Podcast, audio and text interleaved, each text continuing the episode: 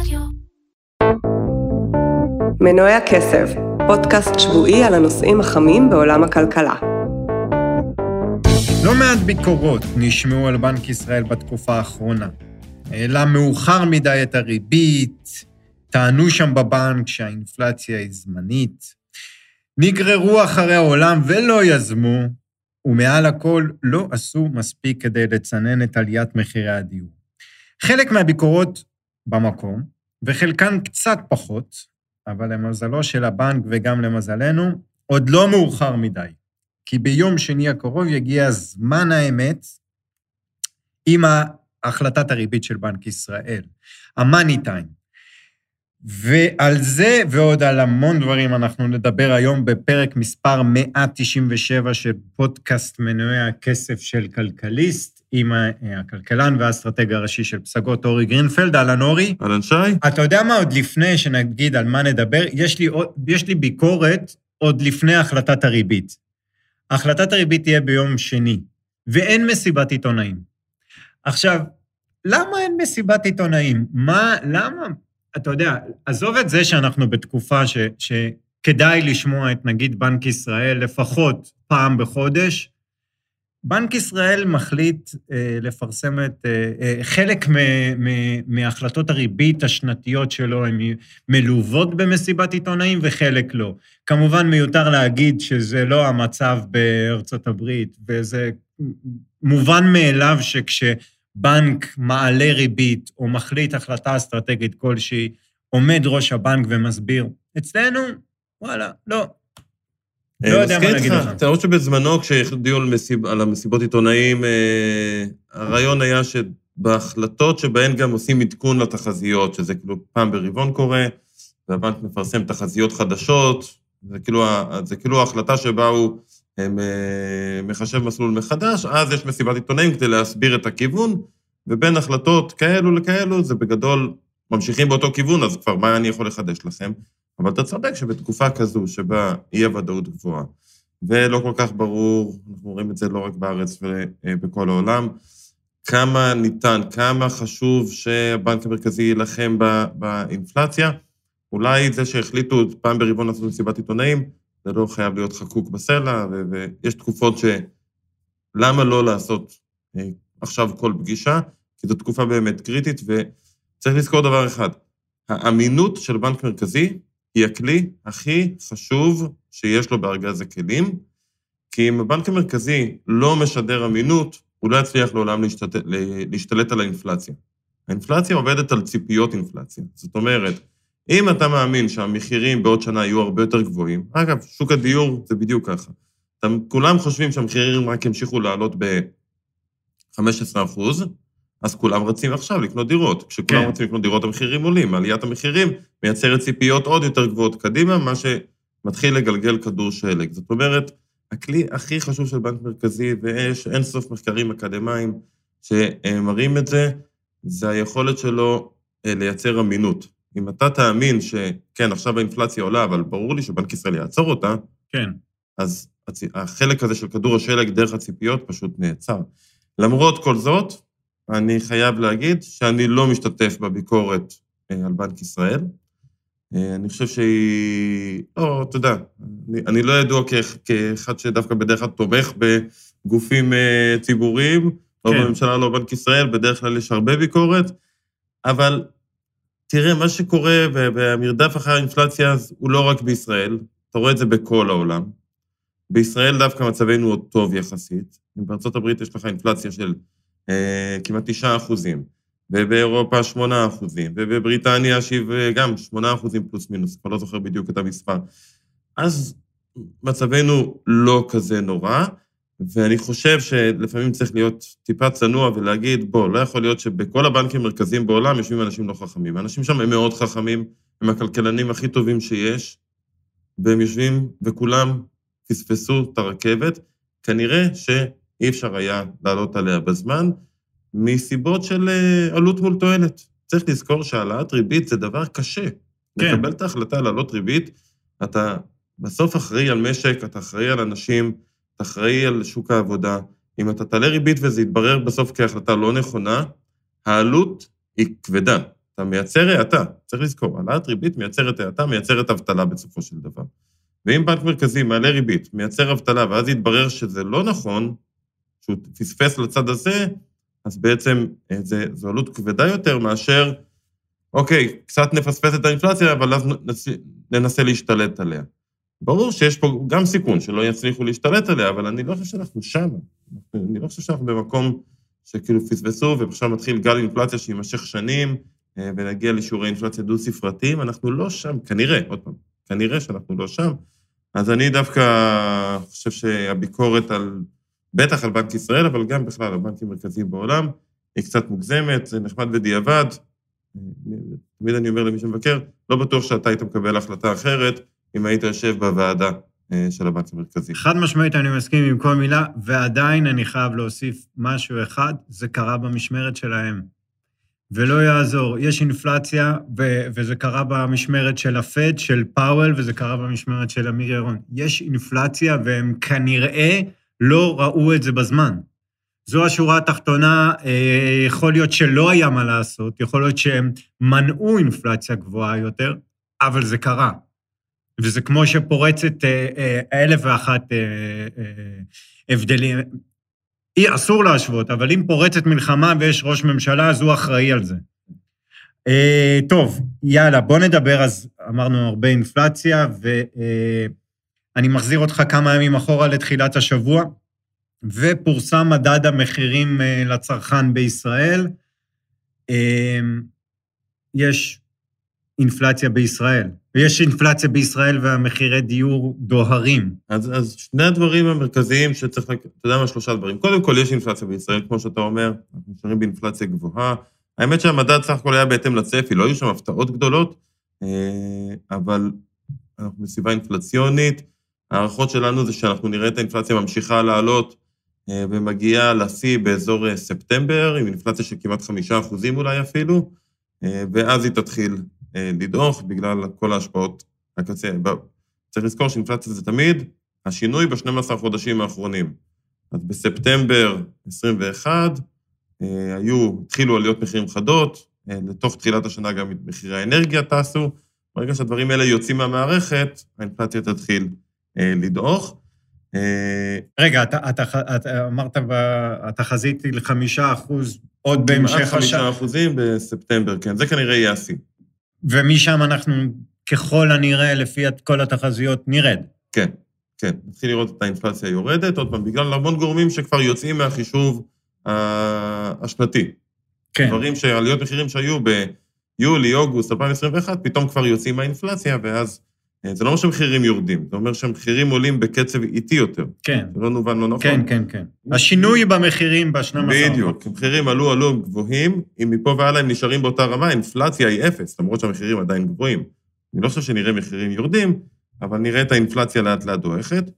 אמ, ואז, ואז אה, אה, אתה רוצה להרחיב על האינפלציה, או שנרחיב על מה קרה יום למחרת? לא, אני רוצה להרחיב דווקא על האינפלציה קודם, כי הדבר השני שאתה רואה, אמרנו יש שלושה דברים, הדבר השני שאתה רואה אה, באינפלציה, זה שאתה רואה באמת מעבר בתוך הסעיפים של האינפלציה, במדד המחירים לצרכן יש עשרה סעיפים, ובכל סעיף יש תתי ותתי סעיפים, ומה שאתה רואה זה שעליות המחירים ב, אה, של המוצרים השונים, עדיין המחירים עולים, אבל יש איזה סוג של האטה. עוד פעם, כי הרבה עליות, חלק גדול מהעליות היו לפני שנה. לעומת זאת, אתה רואה את זה גם במדד בארצות הברית. שירותים, ובעיקר דיור, מאיץ, יש המון שירותים שמאיצים, שזה סימן בעצם, מה שאני בא להגיד, זה שאתה רואה שיש מעבר בתוך האינפלציה, מאינפלציה שהגיעה מצד ההיצע, שינוע, רכבים, כל הדברים האלה שדיברנו עליהם מלא זמן. שקרו כתוצאה מהקורונה, מהמלחמה באוקראינה, מ... בדיוק, ההשפעות האלה הולכות ודועכות, אבל מתחילות השפעות אחרות, שזה השפעות של אנשים שיש להם כסף, הקורונה מאחורינו, יוצאים, תראה מה קורה בנתב"ג, תראה מה קורה במסעדות, תראה מה קורה אה, בקניונים.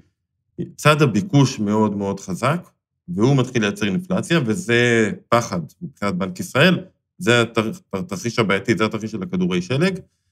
אה, עכשיו השאלה היא, ותכף נדבר על הנתונים של הצמיחה, א', כמה הריבית תעלה, כי הריבית משפיעה על הצד הזה. באיזשהו שלב אנשים יקנו פחות, כי ניקח הרבה יותר, אה, יהיה הרבה יותר יקר לקחת הלוואה, כן. או משכנתה, או שגם אם פתאום יגידו לך, בוא תשים את הכסף בבנק, תקבל 2% בשנה, אז כנראה חלקנו נעדיף לצרוך פחות ולחסוך יותר. אה, אז העלאת הריבית תשפיע על זה, ואני חושב שאנחנו נתחיל לראות גם השפעות חיצוניות, זאת אומרת, האטה מסוימת במשק, ואז באמת אנחנו מקבלים את הנתונים שהתפרסמו למחרת, נתוני צמיחה אה, שהפתיעו את כולם, אה, עם אה, התכווצות של המשק ברבעון הראשון באחוז נקודה שש. אוקיי, אז אה, אה, עבר יום והופתענו. אה, הופתענו, נכון? אפשר להגיד שהופתענו. אנחנו כן. לא צומחים, כן, לפי לא הנתונים. אנחנו מתכווצים לפי מתכווצים. הנתונים. אה, ברבעון הראשון של השנה התכווצות של 1.6 אחוזים. כן, תראה, הקונצנזוס, יש כאלה תחזיות של החזאים, הצפי היה לצמיחה חיובית של 2.1 אחוזים, אז אין ספק שמול התחזיות אה, אפשר להגיד שהופתענו. אה, צריך להגיד שהתחזיות לצמיחה רבעוניות בישראל, אין הרבה חזאים שנותנים, אז הרבה פעמים יש שונות, לא, לא הייתי סומך עליהם אף פעם, אבל זה ש... אתה לא מרגיש התכווצות. עוד פעם, זה נתונים של רבעון ראשון, כן? גם אם עכשיו אתה מרגיש, מתחיל להרגיש איזושהי האטה, ברבעון ראשון ממש לא הרגשת. המשק היה בצמיחה מהירה, אה, וזה לא היה נראה, ואז כשאתה נכנס לתוך הנתונים, אתה מבין שבעצם המצב הוא לא כזה רע, הוא לא היה כזה רע, ועיקר ההתכווצות נובעת בעצם מהעלייה החדה שהייתה ברבעון רביעי של 2021. ברבעון רביעי התוצר זינק ב-15.6 אחוזים. אוקיי. Okay. היה רבעון באמת של צמיחה שהיא לא נורמלית, זה מספרים באמת פנומנליים, ואז מה שקורה, בוא נחשוב על, נסתכל על המשק כעל חנות נעליים לצורך העניין. ברבעון רביעי מכרת 15.6 יותר ממה שמכרת ברבעון שלישי. עכשיו, ברבעון הראשון, אתה מוכר קצת פחות ממה שמכרת ברבעון הרביעי, זה עדיין הרבה. זאת לעומת מה שהיית רגיל, היית רגיל למכור 100 נעליים, פתאום מכרת ברבעון רביעי 116 נעליים, כי בא, אה, איך קוראים לה? אה, Don't cry for me ארגנטינה, היא באה בא אליך לחנות, אה, אז מכרת במקרה המון נעליים באותו הרבעון, וברבעון שלאחר מכן, כן, יש ירידה, אבל היא לעומת איזושהי התפרצות שהייתה ברבעון רביעי, היא לא מראה שהמגמה של המשק הוא כלפי מטה. אתה רואה את זה כמעט בכל נתון, למשל בצריכה הפרטית. הצריכה הפרטית התכווצה ב-0.7. עכשיו, אתה מסתכל בחוץ, אתה לא רואה שאנשים קונים פחות. עוד פעם, רבעון ראשון, עכשיו אתה כן מתחיל להרגיש. אבל רבעון רביעי היה גידול של 18% בצריכה הפרטית. נגמר הקורונה, כולם רצים, קונים. אז בעצם מה שקרה זה שהקדימו צריכה, אפשר להגיד. ברבעון הרביעי, אחרי הקורונה, אנשים יצאו, קנו המון, ברבעון הראשון המשיכו, אבל קצת פחות, ולכן זה נראה התכווצות. אז אני חושב ש... אה, ראינו בתקשורת המון דיבורים על נכנסים למיתון, נכנסים למיתון. יכול להיות, אבל לא, לא הנתון של הרבעון הראשון הוא מה שמלמד על זה. אוקיי. Okay. אה, להפך. הוא בעיקר מלמד על זה שהמצב במשק טוב. אגב, הדרך לבחון את זה זה רבעון אה, ראשון של 2022, כאילו הייתה בו התכווצות. לעומת רבעון ראשון של 2021, זאת אומרת, מה הייתה הצמיחה השנתית, אנחנו עדיין רואים צמיחה של 9 אחוזים, שזה המון. כן. אז המצב הוא לא כזה רע. וכמובן אבל... שאי אפשר לייחס שום דבר מהדבר הזה להעלאת ריבית לא. כלשהי, זה עוד לא שם, לא. זה אנחנו... הטעמים של הצרכנים עוד לא הגיעו בכלל. כתוצאה מהריבית. עוד פעם, זה רבעון ראשון, אה, ורק, אה, אני חושב, במרץ כבר התחלת להרגיש את ההשפעות של העלאת, ריבית או ציפיות להעלאת ריבית. אז כן. זה אולי חלק קטן, אבל זה לא הסיפור. מה כן? אה, אתה יודע, יצאו נתונים של אה, וולמארט וטארגט. בואו נחזור רגע לארה"ב כדוגמה. כן. אתה רואה האטה חדה בצריכה הפרטית, אתה רואה שהאמריקאים מפסיקים לקנות, וזה לא מפתיע. כשיש לך אינפלציה של 8-9 אה, אחוזים, המחיר של הדלק עולה, המחיר של המזון עולה, המחיר של הדירות עולה, אתה בעצם מתחיל לחסוך במקומות אחרים, ואני חושב שאנחנו נרגיש דבר דומה גם פה בישראל, בעיקר במחצית השנייה אה, של השנה. אנשים התחילו להדק את החגורה קצת.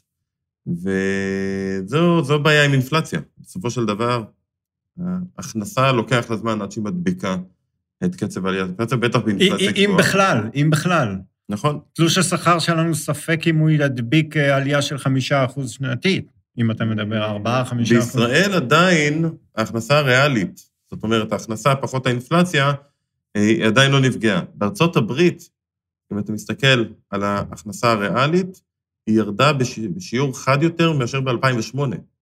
יש שם פשוט צניחה בהכנסה הריאלית, אנשים יש להם פחות כסף, כשאתה מסתכל על הערך של הכסף, משמעותית. אגב, אנחנו אומרים הרבה ארצות הברית, אבל גם בריטניה בתשעה אחוזי אינפלציה, ולא רק, לא רק ארצות הברית, כל אירופה. משקים מתעוררים בכלל. כן. העניין של מחירי הסחורות משפיעים עליהם הרבה יותר, הדולר מתחזק, ומטבעות של משקים מתעוררים חוטפים אה, פיחותים מאוד חדים, שמיד משפיע עליהם על המחירים במשק. כן, יש אינפלציה בכל העולם, וזה משפיע על הצרכן, ואז הצרכן בעצם מתחיל לאט לאט להדק את החגורה, ואנחנו נראה את זה בא לידי ביטוי, אני חושב, במחצית השנייה. על זה צריך להוסיף את מה שקורה בטכנולוגיה, שאין מה לעשות, זה משפיע על המשק הישראלי. סקטור הטכנולוגי הוא סקטור גדול בישראל, ועם ירידות מחירים, אתה יודע, חברות ישראליות, לא מעט חברות ישראליות. ראינו ירידות במניות של 60 ו-70 ו-80 אחוז, כן. אלה השכירות. אלה שלא שכירות שגייסו לפני שנתיים, צריכות לצאת לסבב גיוס נוסף, דיברנו על זה לא פעם ולא פעמיים פה. הם יגיעו והם יראו שערוכים אחרים לגמרי, אם בכלל הקרנות ירצו לתת כסף, לא בטוח שהקרנות גם יתלהבו עכשיו ללכת ולקנות חברות, אבל גם אם יהיה מי שירצה אה, לתת כסף, זה יהיה בשערוכים אחרים לגמרי, ואז כל התוכנית העסקית צריך להתחיל לצמצם. אז אני לא בטוח שמיד יתחילו לפטר עובדים, למרות שאתה כבר רואה בתקשורת פה ושם תהליכים של אה, התייעלות. ינסו קודם, בדרך כלל מנסים קודם התייעלות אחרת, לא לצמצם עובדים, אבל בסוף זה משפיע. ואתה תראה גם את הייצוא הישראלי, לא רק את הצריכה הפרטית, גם את הייצוא גורם לאיזושהי האטה. ועל כל זה יש לנו את שוק הדיור. בשוק הדיור, ראינו במדד האחרון, המחירים ממשיכים לטוס, אבל זה לא ימשיך לעוד הרבה זמן, כי אחד, הריביות עולות, הריבית על המשכנתה עולה, כן. אז זה ישפיע על צד הביקוש. שתיים, הייתה לנו עלייה מאוד חדה בשנה האחרונה בהתחלות הבנייה, סוף סוף, מקווה שגם יחזיק מעמד. זאת אומרת, כן התחילו לבנות, אבל הדירות, הרבה מהדירות לא מגיעות לשוק. כי הפער בין ההתחלות בנייה לגמר בנייה, בדרך כלל יש פער של בערך שנתיים, שנתיים וחצי. מהרגע שמתחילים לבנות עד הרגע שהדירות מוכנות. הפער הזה מאוד גדל, אם בגלל שלא היה כוח אדם, אם בגלל חומרי גלם שלא הגיעו, אה, וכל מה שהקורונה עשתה. ולכן יש איזשהו עיכוב בגמר הבנייה, ולכן כשנתחיל אה, לראות דירות יוצאות לשוק בהיקפים גדולים, אז כנראה זה גם כן ישפיע אה, על השוק, ואולי נראה פחות בנייה, וזה ישפיע על התוצר. אז אני לא חושב שאנחנו יכולים להגיד אה, בהסתברות גבוהה שאנחנו בדרך למיתון. ארה"ב למשל, כן, ארה"ב בדרך למיתון. בישראל אני לא בטוח, עוד פעם, הכל פה קורה אותו דבר, רק בעוצמות הרבה יותר נמוכות. גם באינפלציה, גם הריבית פה לא תעלה מהר כמו שהיא עולה הברית, לכן גם ההשפעה על הכלכלה לא תהיה חדה וכואבת כמו שהיא הברית, אבל אני חושב שבהחלט אנחנו נראה את הנתונים במחצית השנייה של השנה, הנתונים הריאליים, הכלכליים, באיזה סוג של האטה. כן. זה, זה בוודאות מאוד מאוד גבוהה. אז, אז עוד לפני שנדבר מה בנק ישראל יעשה ביום אה, אה, שני, או אולי מה הוא צריך לעשות, אנחנו חווים בימים האלה, וגם דיברנו על זה בפרק של השבוע שעבר, תנודתיות נורא חריפה בוול סטריט. יום אחד אתה יכול לפתוח את ה... אה, זה, ולא קרה שום דבר מקרו-כלכלי בולט, והמדדים עולים בשלושה אחוז, והנה, כמו אתמול, ירידות שלא היו אה, שנתיים ב-S&P. יום, היום הכי גרוע של ה-S&P בשנתיים האחרונות היה אתמול, ביום רביעי. כן. וכתוצאה מזה גם, אתה יודע, אה, אה, אתה רואה גם את שוק המטח מגיב, בעצבנות, אם אפשר לקרוא לזה. אה, מה, איפה זה, איפה נקודת האיזון? התקופות האלו, תקופות של תנודתיות, שגם, לפעמים אתה רואה עליות של שלושה אחוזים, ואתה יודע שאלה לא, לא עליות טובות. בעיקר מראות שהשוק מחפש כיוון ולא יודע לאן דברים הולכים, וראינו את זה ממש בימים האחרונים. יום אחד בא פאוול ואומר שלדעתם, לדעת הפד, הם יצליחו להעלות את הריבית ועדיין לייצר מה שנקרא נחיתה רכה, soft ending. זאת אומרת, כן, קצת תהיה האטה, אבל אנחנו לא הולכים למיתון, הכל בסדר, תירגעו. והשוק עולה מאוד מהר, אוקיי. Okay. ויום אחרי זה יוצאים הדוחות של וולמארט, אה, אה, שמראים על מה אתה מדבר, איזה soft landing, אתה יודע, ראיתי קריקטורה של מטוס, שכאילו מטוס של הפד, והטייס אומר, אה, גלגלים בחוץ, כנפיים מוכנסות, לא יודע, אני לא טייס, אה, prepare for soft landing, וכשבחוץ שרואים את זה, המטוס הפוך, הוא נוחת על הגב. אה, השוק אמר לו אתמול, על מה אתה מדבר? זה שאתה אומר זה נחמד, אבל איך אפשר? רואים כבר היום שהנתונים חלשים מאוד, והצרכן האמריקאי, שבסוף הכלכלה הזאת תלויה בצרכן, בבעיה. אגב, נתון שיצא שגם הזיז את השווקים, אה, זה נתון האשראי הצרכני.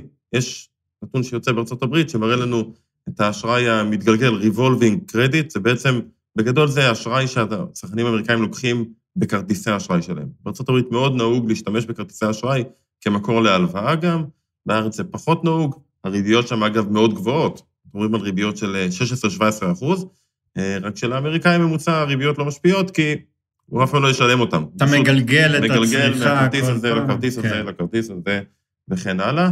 ראינו בנתון שיצא, אה, את העלייה הכי חדה אי פעם באשראי הצרכני, מה שאומר שלאנשים נגמר כסף. אנשים התחילו, צריך לצורך, צריך לשלם על הדלק, שמאוד יתייקר ועל הכל, אז מתחילים לקחת הרבה כסף אה, באשראי. אה, ואלו חדשות לא טובות, והשווקים מאוד תנודתיים, והתנודתיות של השווקים משפיעה מיד על הדולר שקל.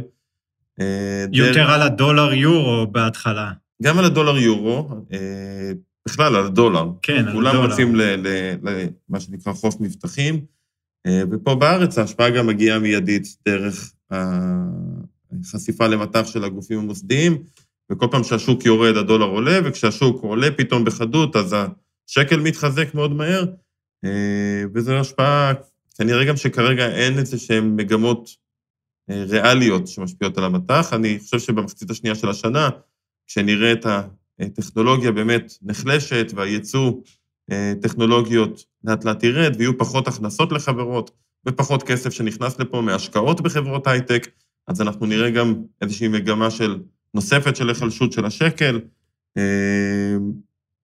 אבל התנודתיות הזאת, היא תימשך היסטורית, זה מסתיים כשאחד ממקבלי ההחלטות בא ואומר, אני פה בשביל לעזור לכם. אם זה טראמפ במרץ 20, שאמר, אוקיי, יש לנו קורונה, בעיה, עד שהוא השתכנע שהאקונומיקה לא עוזרת, אז הוא בא ואמר, 2.2 טריליון דולר, תוכנית הכי מפלצתית אי פעם שנעשתה, באותו היום השוק התחיל לעלות ולא הסתכל אחורה. אה, דרגי ב-2012, whatever it takes, אנחנו נעשה כל מה שצריך כדי להציל את גוש האירו, מאותו רגע השוק טס. 2008 בא ברננקי, אני אתן כמה נזילות שצריך, אף בנק לא... אחרי אה, לימן, אין, לא ניתן לאף בנק לפשוט רגל, השוק מתחיל לעלות.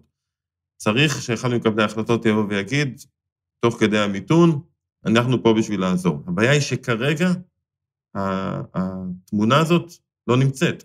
כי הפד לא יכול לעזור כשהאינפלציה היא 8.5-9, גם אם המשק במיתון עמוק. הוא לא יכול לעזור. הוא צריך להילחם באינפלציה, גם אם זה כואב.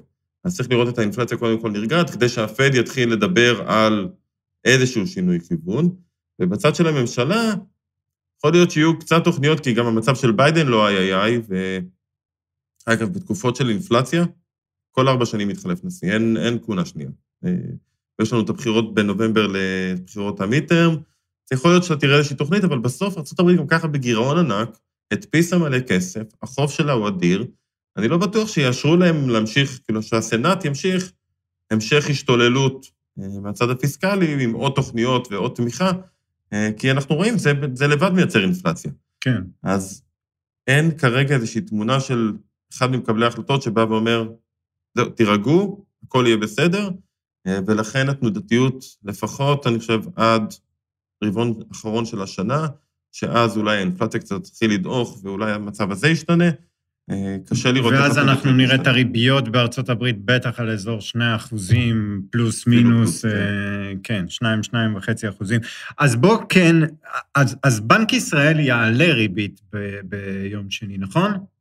בנק ישראל יעלה ריבית. הוויכוח היה בשבוע האחרון, בעיקר התווכחו אם הוא יעלה ברבע אחוז, או שהוא יעלה כבר ב-40 נקודות בסיס, זאת אומרת, לריבית של שלושת רבעי. אה, אני חושב ש... זה די, זה לא 50-50, הייתי נותן הסתברות של 60-70 אחוז להעלאת ריבית של רק של רבע אחוז, כי בכל זאת הנתון הזה של התוצר ומה שקורה בעולם ובשווקים ומה שקורה בטכנולוגיה, יכול להיות שזה קצת אה, יקרר את ההתלהבות של בנק ישראל. ועוד פעם, בניגוד לפד, הוא לא רודף אחרי אינפלציה של 8 אה, אחוזים. נכון שהאינפלציה גבוהה, אבל כל עוד הוא אומר, אני מעלה ברבע וממשיך עכשיו כל פגישה עוד רבע ועוד רבע ועוד רבע ועוד רבע, אני חושב שהוא עושה את העבודה שלו, והוא לא צריך אה, לעלות מהר יותר כדי לייצר פה איזשהו זעזוע. אה, אבל אם אנחנו אומרים שהאזור אה, שהריבית תגיע אליו בארצות הברית הוא 2, 2.5 אחוזים, האזור ה-neutral zone, הם אוהבים להגיד את זה, מה פה? אני חושב שפה אנחנו נגיע לריבית של בערך אחוז וחצי, אה, פלוס מינוס 25 נקודות בסיס. ארה"ב, אגב, אני חושב שנגיע גם לשלוש, כי פשוט הפד נורא בלחץ. אבל פה אחוז וחצי, אחוז 75, שזה אומר כל פגישה של בנק ישראל עכשיו רבע אחוז, לפחות עד סוף השנה, אולי גם בתחילת שנה, אבל אז כבר האינפלציה לאט לאט דועכת, מתקרבת חזרה לאזור השלושה אחוזים, שזה הטווח של בנק ישראל. יש האטה מסוימת במשק, בעולם יש מיתון, הוא אומר, טוב, רגע, אין צורך להמשיך לעלות הריבית, אנחנו כבר לא בלחץ, אה, והיא תישאר שם. כן, אוקיי, בסדר. מאה אחוז עד כאן החלק הזה, נעבור לחלק השני של הדבר המוטרף שקרה השבוע, ואולי לא שמתם אליו לב. אתה מתחיל? אני אתחיל בשמחה. האמת שהשבוע לא היה משהו מאוד מאוד מוטרף. אה, פשוט מצאתי איזה מחקר שהצחיק אותי שעשו את המחקר הזה. אתה יודע שכשאתה מסתכל על פרסומות של שעונים, שעונים הכוונה היא שעונים של פעם, לא שעונים חכמים ולא שעונים דיגיטליים. מה השעה תמיד בשעון? מה? עשר ועשרה, או עשרה לעשר, אתה מסתכל על זה? אוקיי. Okay. אוקיי? Okay? השאלה למה תמיד השעונים ככה, זה כמו שמחזיקים את הידיים על ההגה.